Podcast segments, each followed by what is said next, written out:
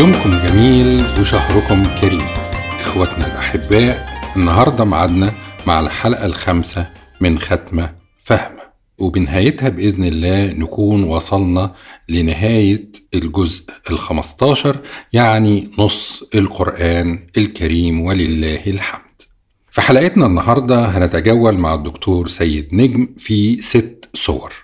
يوسف الرعد إبراهيم الحجر النحل الإسراء. هنبدأ بسورة يوسف وهي زي ما قلنا في الحلقة السابقة الأخيرة في ثلاث صور كبيرة نزلت ورا بعض بنفس ترتيبها في المصحف لتثبيت الرسول عليه الصلاة والسلام وقت المحنة بعد وفاة عمه أبو طالب والسيدة خديجة رضي الله عنها. وفي ذروة اضطهاد قريش للمسلمين. نزلت بعد سورتي يونس وهود والصورة بتحكي أحسن القصص كما وصفها الله سبحانه وتعالى. والحقيقة لغة الصورة والسرد فيها مباشرة وبسيطة ومفهومة للجميع. مين منا ما بيستمتعش بقراءة أو سماع سورة يوسف مرة واتنين وتلاتة وعشرة وأكتر. كلامها كله واضح فمش هنتوقف عنده كتير في الحلقة. يمكن كلمة واحدة نحتاج من الدكتور سيد معناها هي كلمة مزجاة.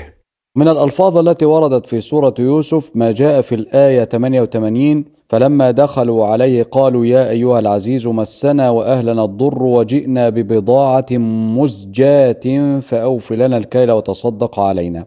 هنا الآية فامتثلوا أمر أبيهم وذهبوا بحثا عن يوسف عليه السلام وأخيه. فلما دخلوا على يوسف قالوا له مسنا وأهلنا الضر يعني أصابتنا الشدة والفقر وأتينا ببضاعة مزجاة يعني حقيرة زهيدة فكل لنا كيلا وافيا كما كنت تكيل لنا من قبل.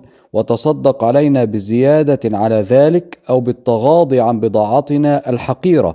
إن الله يجازي المتصدقين بأحسن الجزاء. حرمت لغيرك خفقاتي ونسيت بأنسك آهاتي وغدت في بابك عبراتي فيضا بحنانك يرويني. رباه بلطفك فأعني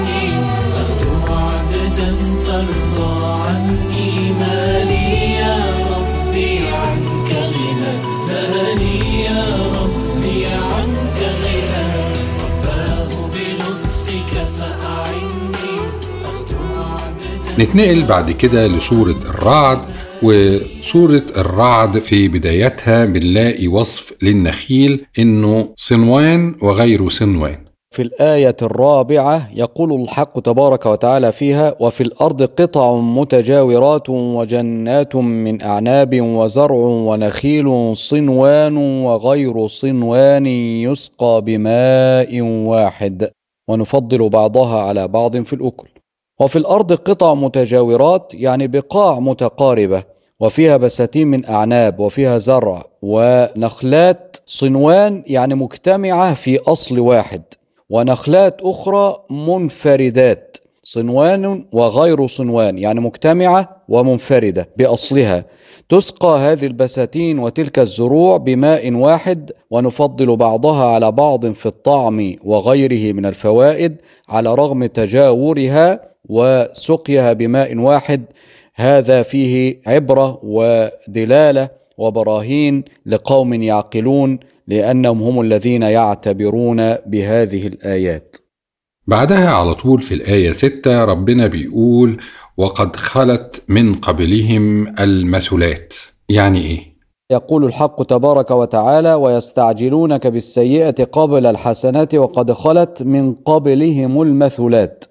المعنى ويستعجلك أيها الرسول الكريم المشركون بالعقوبة ويستبطئون نزولها بهم قبل استكمالهم النعم التي قدرها الله لهم وقد مضت من قبلهم خلت من قبلهم المثلات يعني مضت من قبلهم عقوبات أمثالهم من الأمم المكذبة فلم لا يعتبرون بها وإن ربك أيها الرسول لذو تجاوز للناس مع ظلمهم فلا يعاجلهم بالعقاب ليتوبوا إلى الله وإنه لقوي العقاب للمصرين على كفرهم إن لم يتوبوا. طيب يعني إيه سارب؟ مستخف بالليل وسارب بالنهار. في الآية العاشرة من سورة الرعد يقول الحق تبارك وتعالى فيها سواء منكم من أسر القول ومن جهر به ومن هو مستخف بالليل وسارب بالنهار. هنا ربنا تبارك وتعالى يقول إنه يعلم السر وأخفى يستوي في علمه من أخفى منكم أيها الناس القول ومن أعلنه ويستوي في علمه كذلك من هو مستتر بظلمة الليل عن أعين الناس ومن هو سارب بالنهار يعني ظاهر بأعماله في وضح النهار. تمام جدا. طيب نسمع الآية دي كده. ويسبح الرعد بحمده والملائكة من خيفته ويرسل الصواعق ويرسل الصواعق فيصيب بها من يشاء وهم يجادلون في الله. وهم يجادلون في الله وهو شديد المحال. أيوة يعني إيه بقى شديد المحال؟ معنى الآية يسبح الرعد ربه تسبيحا مقرونا بحمده سبحانه وتسبح كذلك الملائكة ربها خوفا منه وإجلالا وتعظيما له ويرسل الصواعق المحرقة على من يشاء من مخلوقاته فيهلكه. والكفار وهم يجادلون في الله يعني الكفار يخاصمون في وحدانية الله. وهو شديد المحال أي والله شديد الحول والقوة فلا يريد شيئا إلا فعله سبحانه وتعالى. طيب في آية طبعا ناس كتير عارفينها وبيرددوها وبيستشهدوا بيها. نسمعها وبعدين نسمع من حضرتك تفسيرها. أنزل من السماء ماء فسالت أودية بقدرها فاحتمل السيل زبدا رابيا.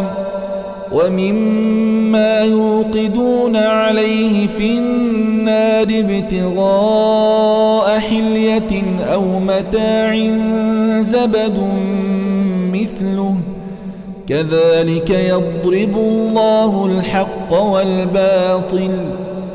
فأما الزبد فيذهب جفاء وأما ما ينفع الناس فيمكث في الأرض كذلك يضرب الله الأمثال هنا ربنا تبارك وتعالى يقول أن الله سبحانه وتعالى ضرب مثلا لتلاشي الباطل وبقاء الحق. ضرب هذا المثل بماء مطر نازل من السماء حتى سالت به الأودية. كل حسب حجمه صغرا وكبرا. فحمل السيل زبدا رابيا يعني غثاء ورغوة مرتفعة فوق الماء. وضرب مثل آخر لهما ببعض ما يوقد الناس عليه من المعادن النفيسة ابتغاء صهرها وصنع ما يتزين الناس به. فإنه يعلوه زبد منه كما يعلو ذلك زبد منه. بمثل هذين المثلين يضرب الله تبارك وتعالى مثل الحق والباطل فالباطل مثل الغثاء والزبد الطافي على الماء ومثل ما ينفيه صهر المعدن من الصدأ والحق مثل الماء الصافي الذي يشرب منه وينبت الثمار والكلى والعشب. رباه بلطفك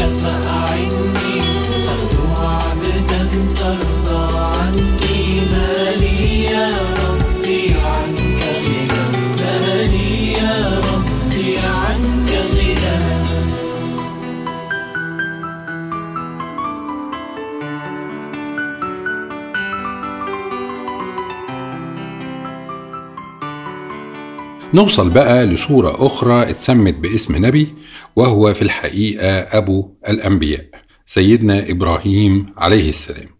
نسمع كده مقطع منها برضو مألوف من الآيات المحببة إلينا والمقطع ده فيه حوار حوار بين الشيطان وأهل النار. نسمع الآيات الكريمة وبعدين هنطلب من حضرتك تتكرم علينا بشرح مبسط للحوار ده. وقال الشيطان لما قضي الأمر إن الله وعدكم وعد الحق إن الله وعدكم وعد الحق ووعدتكم فأخلفتكم وما كان لي عليكم من سلطان إلا أن دعوتكم فاستجبتم لي. فلا تلوموني ولوموا أنفسكم.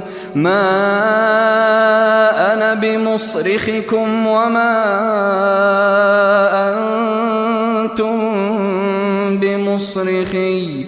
إني كفرت بما أشركتمون من قبل إن الظالمين لهم عذاب أليم وأدخل الذين آمنوا وعملوا الصالحات جنات جنات تجري من تحتها الأنهار خالدين فيها خالدين فيها بإذن ربهم تحيتهم فيها سلام. ألم تر كيف ضرب الله مثلا كلمة طيبة كشجرة طيبة أصلها ثابت أصلها ثابت وفرعها في السماء. تؤتي أكلها كل حين بإذن ربها ويضرب الله الأمثال للناس لعلهم يتذكرون. ومثل كلمة خبيثة كشجرة خبيثة كشجرة خبيثة اجتثت من فوق الأرض ما لها من قرار. يثبت الله الذين آمنوا بالقول الثابت في الحياة الدنيا وفي الآخرة. ويضل الله الظالمين. ويضل الله الظالمين ويفعل الله ما يشاء. قال إبليس حين دخل أهل الجنة الجنة وأهل النار النار إن الله وعدكم الوعد الحق فأنجزكم ما وعدكم ووعدتكم وعد الباطل فلم أفي بما وعدتكم به. وما كان لي من قوة أقهركم بها في الدنيا على الكفر والضلال. لكن دعوتكم إلى الكفر وزينت لكم المعاصي فسارعتم إلى اتباعي. فلا تلوموني على ما حصل لكم من الضلال. ولوموا أنفسكم فهي أولى باللوم. ما أنا بمصرخكم وما أنتم بمصرخي؟ يعني ما أنا بمغيثكم بدفع العذاب عنكم وما أنتم بمغيثي بدفعه عني. إني كفرت بجعلكم إياي شريكا لله في العبادة إن الظالمين بالشرك بالله في الدنيا والكفر به لهم عذاب موجع ينتظرهم يوم القيامة في سورة إبراهيم برضو قبل ما نخرج منها بنقابل لفظ مهطعين وصفا للناس لحظة البعث يعني إيه مهطعين؟ في الآية 43 يقول الحق تبارك وتعالى مهطعين مقنعي رؤوسهم لا يرتد إليهم طرفهم وأفئدتهم هواء. المعنى حين يقوم الناس من قبورهم مهطعين يعني مسرعين إلى الداعي. مقنعي رؤوسهم يعني رافعي رؤوسهم ينظرون جزعا إلى السماء لا ترجع إليهم أبصارهم بل تبقى شاخصة من هول ما يشاهدونه. وأفئدتهم هواء يعني قلوبهم فارغة لا عقل لها ولا فهم من فزع المشهد.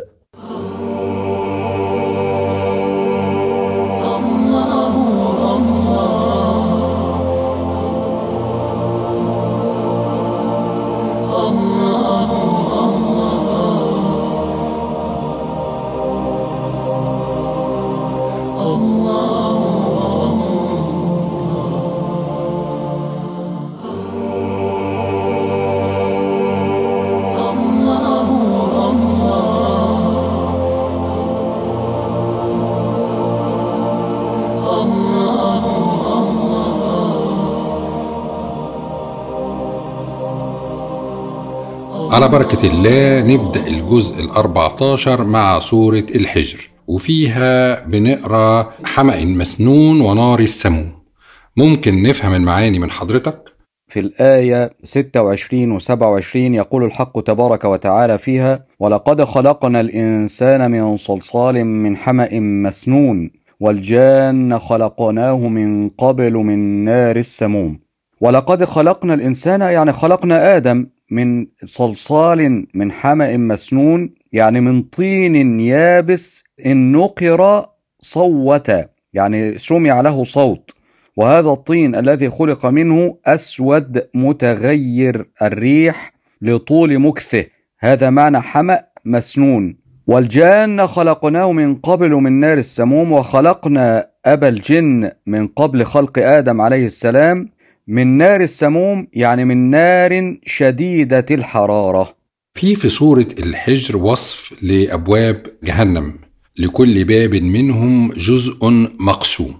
في الآية 44 من سورة الحجر يقول الحق تبارك وتعالى فيها لها سبعة أبواب لكل باب منهم جزء مقسوم. هذا حديث عن جهنم والعياذ بالله لقوله تبارك وتعالى قبلها وإن جهنم لموعدهم أجمعين لها سبعة أبواب. أي لجهنم سبعة أبواب يدخلون منها. لكل باب من أبوابها جزء مقسوم يعني من أتباع إبليس قدر معلوم منهم يدخل منه. فهذا حديث عن أتباع إبليس والعياذ بالله.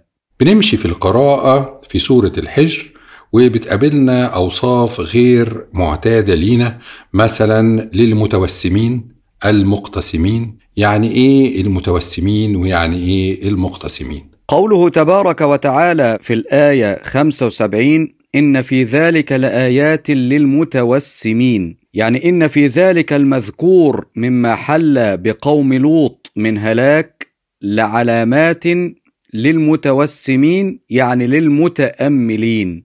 قول الحق تبارك وتعالى كما أنزلنا على المقتسمين. في الآية التي قبلها يقول الحق تبارك وتعالى وقل إني أنا النذير المبين يعني أنذركم أن يصيبكم مثل ما أنزل الله عز وجل على المقتسمين يعني المفرقين كتب الله عز وجل أجزاء يعني يؤمنون ببعضها ويكفرون بالبعض الآخر فيجعلونها متفرقة بعض يؤمنون به وبعض يكفرون به.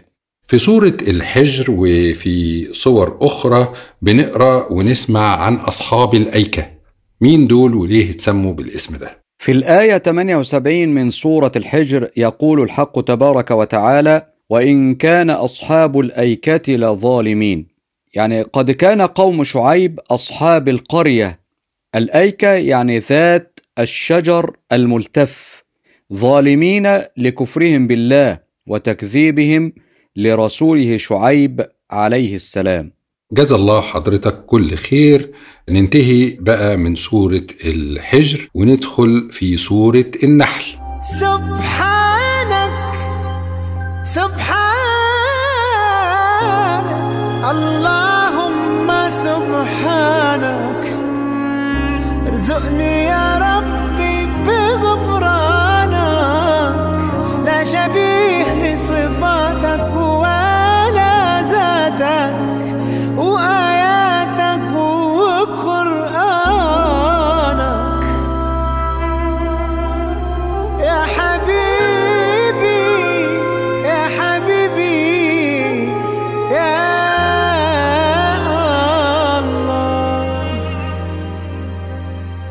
في بدايات سورة النحل بنقابل كلمة تسيمون معناها إيه؟ قول الحق تبارك وتعالى هو الذي أنزل من السماء ماء لكم منه شراب ومنه شجر فيه تسيمون هذا في الآية العاشرة يعني هو سبحانه وتعالى الذي أنزل لكم من السحاب ماء لكم من ذلك الماء شراب تشربونه وتشربه أنعامكم ومنه ما يحصل به نبات الشجر الذي فيه تسيمون يعني الذي فيه ترعون مواشيكم بعد شوية كده في نفس السورة سورة النحل بنقرأ وصف للدين وله الدين واصبا إيه المقصود بواصبا؟ قول الحق تبارك وتعالى وله ما في السماوات والأرض وله الدين واصبا أفغير الله تتقون؟ الآية 52 أي وله وحده ما في السماوات وما في الأرض خلقا وملكا وتدبيرا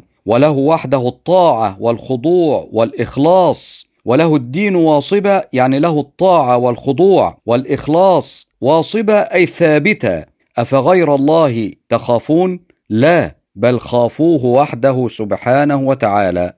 مكملين مع سورة النحل وفي إحدى آياتها ربنا عز وجل بيتكلم عن نعمه التي أسبغها على البشر وبنقف عند كلمة ضعنكم. قول الحق تبارك وتعالى في الآية 80 والله جعل لكم من بيوتكم سكنا وجعل لكم من جلود الأنعام بيوتا تستخفونها يوم ظعنكم ويوم إقامتكم ومن أصوافها وأوبارها وأشعارها أثاثا ومتاعا إلى حين. معنى الآية والله سبحانه جعل لكم من بيوتكم التي تبنونها من الحجر وغيره استقرارا وراحة سكنا وجعل لكم من جلود الإبل والبقر والغنم خياما وقبابا في البادية مثل بيوت الحضر. يخف عليكم حملها في ترحالكم يوم ظعنكم يعني في ترحالكم من مكان لآخر. ويسهل نصبها وقت نزولكم ويوم إقامتكم. وجعل لكم من أصواف الغنم وأوبار الإبل وأشعار المعز أثاثا لبيوتكم وأكسية وأغطية تتمتعون بها إلى زمن محدد. جزيل الشكر والتقدير لحضرتك ولعلمك الغزير. نتنقل بقى لآخر سورة معانا في حلقة النهاردة وهي سورة الإسراء. تعالوا نسمع أول سبع آيات من سورة الإسراء وبعدين هنطلب من فضيلة الدكتور سيد نجم شرح بالذات لآخر آية منهم اللي هي الآية سبعة. سبحان الذي أسرى بعبده ليلا من المسجد الحرام إلى المسجد الأقصى الذي باركنا حوله لنريه من آياتنا إنه هو السميع البصير. وآتينا موسى الكتاب وجعلناه هدى لبني إسرائيل. ألا تتخذوا من دوني وكيلا. ذرية من حملنا مع نوح. إنه كان عبدا شكورا. وقضينا إلى بني إسرائيل في الكتاب لتفسدن في الأرض مرتين. مرتين ولتعلن علوا كبيرا. فإذا جاء وعد أولاهما بعثنا عليكم عبادا لنا أولي بأس شديد. فجاسوا خلال الديار وكان وعدا مفعولا. ثم رددنا لكم الكرة عليهم وأمددناكم بأموال وبنين. وأمددناكم بأموال وبنين وجعلناكم أكثر نفيرا.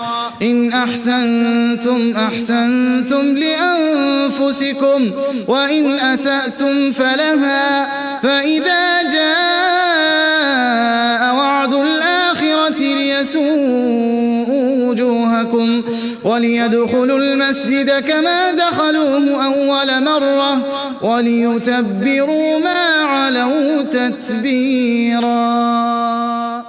سورة الإسراء وهي سورة من مقاصدها تثبيت الله تبارك وتعالى لرسوله صلى الله عليه وسلم وتأييده بالآيات البينات وبشارته بالنصر والثبات. معنى الآية إن أحسنتم يا بني إسرائيل أعمالكم وجئتم بها على الوجه المطلوب فجزاء ذلك عائد لكم فالله غني عن أعمالكم وإن أسأتم أفعالكم فعاقبة ذلك عليكم فالله لا ينفعه إحسان أفعالكم ولا تضره إساءتها فإذا حصل الإفساد الثاني سلطنا عليكم أعداءكم ليسوءوا وجوهكم يعني ليخزوكم ويجعلوا المساءة ظاهرة على وجوهكم لما يذيقونكم من صنوف الهوان وليدخلوا البيت أو ليدخلوا المسجد أي بيت المقدس ويخربوه كما دخلوه وخربوه المرة الأولى وليتبروا ما علوا تدبيرا يعني ليدمروا ما غلبوا عليه من البلاد تدميرا كاملا. وفي هذه الآية التحذير لهذه الأمة من العمل بالمعاصي لئلا يصيبهم ما أصاب بني إسرائيل فسنة الله واحدة. لا تتبدل ولا تتحول.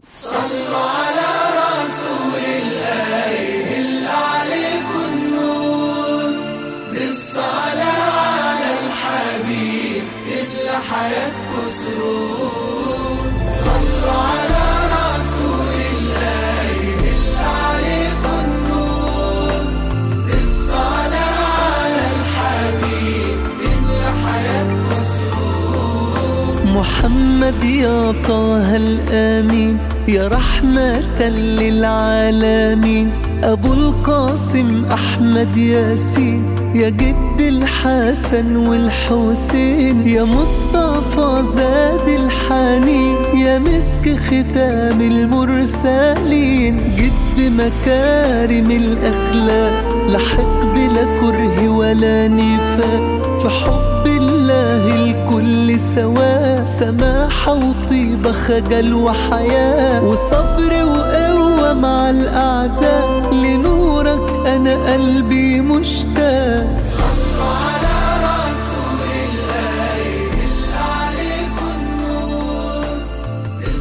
تعالوا نسمع مقطع تاني من سورة الإسراء. الحقيقة بحبها جدا والله سورة الإسراء دي. وبعد ما نسمع المقطع هنسمع من الدكتور سيد المقصود بطائره في عنقه. وكل إنسان ألزمناه طائره في عنقه ونخرج له يوم القيامة كتابا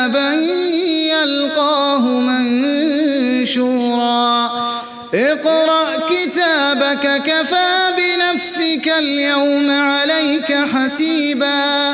من اهتدى فإنما يهتدي لنفسه ومن ضل فإنما يضل عليها. ولا تزر وازرة وزر أخرى. وما كنا معذبين حتى نبعث رسولا.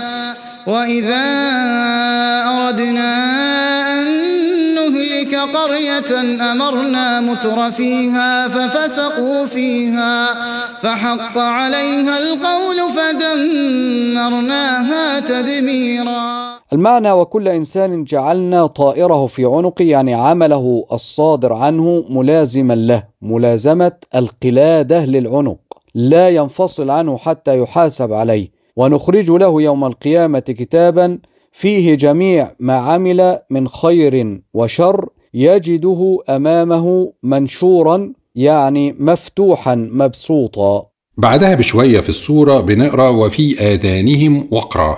معناها إيه؟ في الآية 46 من سورة الإسراء الحق تبارك وتعالى يقول وجعلنا على قلوبهم أكنة أن يفقهوه وفي آذانهم وقرا. وجعلنا على قلوبهم صيرنا على قلوبهم أكنة أي أغطية حتى لا يفهموا القرآن. وفي آذانهم وقرا يعني ثقلا حتى لا يسمعوا القرآن سماع انتفاع. وإذا ذكرت ربك في القرآن وحده ولم تذكر آلهتهم المزعومة ولوا على أدبارهم يعني رجعوا على أعقابهم نفورا متباعدين عن إخلاص التوحيد لله رب العالمين. في حوار من الحوارات العديدة في القرآن الكريم مع الرسول عليه الصلاة والسلام بيقول له عن الكافرين فسينغضون إليك رؤوسهم إيه المقصود هنا؟ في الآية 50 و 51 من سورة الإسراء الله تبارك وتعالى يقول قل كونوا حجارة أو حديدا أو خلقا مما يكبر في صدوركم فسيقولون من يعيدنا قل الذي فطركم أول مرة فسينغضون إليك رؤوسهم ويقولون متى هو قل عسى أن يكون قريبا. قل كونوا حجارة أي قل لهم أيها الرسول كونوا أيها المشركون إن استطعتم حجارة في شدتها أو كونوا حديدا في قوته ولن تستطيعوا ذلك. أو خلقا مما يكبر في صدوركم أو كونوا خلقا آخر أعظم منهما مما يعظم في صدوركم. فإن الله معيدكم كما بدأكم ومحييكم كما خلقكم أول مرة. فسيقول هؤلاء المعاندون من يعيدنا أحياء بعد موتنا. قل لهم يعيدكم الذي خلقكم أول مرة على غير مثال سابق. فسينغضون أي فسيحركون رؤوسهم ساخرين من ردك عليهم ويقولون مستبعدين متى هذه الإعادة؟ قل لهم لعلها قريبة فكل ما هو آت قريب. طيب في برضه في سورة الإسراء ذكر آخر للحوار الإلهي مع إبليس بعد خلق آدم عليه السلام. لكن المرة دي في بعض التعبيرات الغريبة علينا في الحوار ده. يعني مثلا كلمة لأحتنكن وجملة واستفزز من استطعت منهم بصوتك وجملة وأجلب عليهم بخيلك ورجلك. نسمع الآيات ويريد بعدها توضيحات وإضاءات حضرتك. وإذ قلنا للملائكة اسجدوا لآدم فسجدوا إلا إبليس إلا إبليس قال أسجد لمن خلقت طينا قال أرأيتك هذا الذي كرمت علي لئن أخرتني إلى يوم القيامة لأحتركن ذريته إلا قليلا. قال اذهب فمن تبعك منهم فإن جهنم جزاؤكم جزاء موفورا. واستفزز من استطعت منهم بصوتك وأجلب عليهم بخيلك ورجلك وشاركهم وشاركهم في الأموال والأولاد وعدهم وما يعدهم الشيطان إلا غرورا. إن عبادي ليس لك عليهم سلطان. وكفى بربك وكيلا. وهنا قال إبليس لربه أرأيت هذا المخلوق الذي كرمته علي بأمرك لي بالسجود له؟ لئن أبقيتني حيا إلى آخر الحياة الدنيا لأحتنكن ذريته يعني لأستميلن أولاده ولأغوينهم عن صراطك المستقيم إلا قليلا ممن عصمت منهم وهم عبادك المخلصون. واستفزز أي استخفف من استطعت أن تستخفه منهم بصوتك الداعي إلى المعصية وأجلب عليهم بخيلك يعني وصح عليهم بفرسانك ومشاتك الداعين لطاعتك وشاركهم في أموالهم بتزيين كل تصرف يخالف الشرع وشاركهم في أولادهم بادعائهم كذبا وتحصيلهم بالفاحشة. وتعبيدهم لغير الله عند التسمية وزين لهم الوعود الكاذبة وعدهم والأمان الباطلة وما يعدهم الشيطان إلا الوعود الكاذبة التي تخدعهم.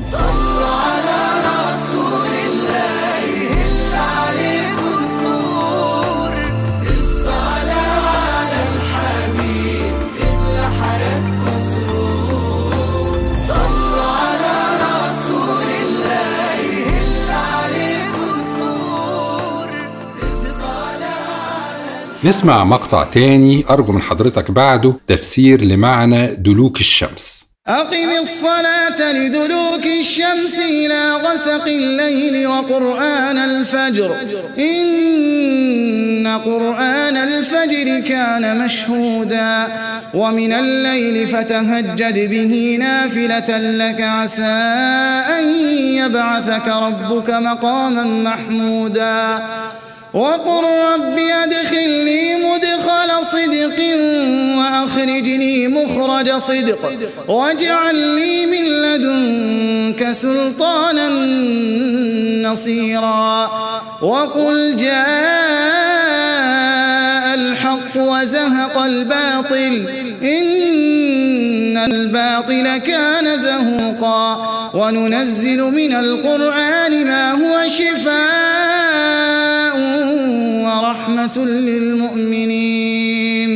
ورحمة للمؤمنين ولا يزيد الظالمين إلا خسارا.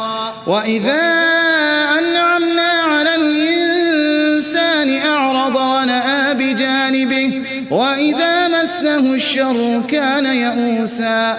قل كل يعمل على شاكلته فربكم أعلم بمن هو أهدى سبيلا ويسألونك عن الروح قل الروح من أمر ربي وما أوتيتم من العلم إلا قليلا أقم الصلاة يعني بالإتيان بها على أتم وجه في أوقاتها لدلوك الشمس يعني من زوال الشمس عن كبد السماء. ويشمل ذلك صلاة الظهر والعصر. إلى غسق الليل أي إلى ظلمة الليل وتشمل المغرب والعشاء. وأقم صلاة الفجر وأطل القراءة فيها فصلاة الفجر تحضرها ملائكة الليل وملائكة النهار.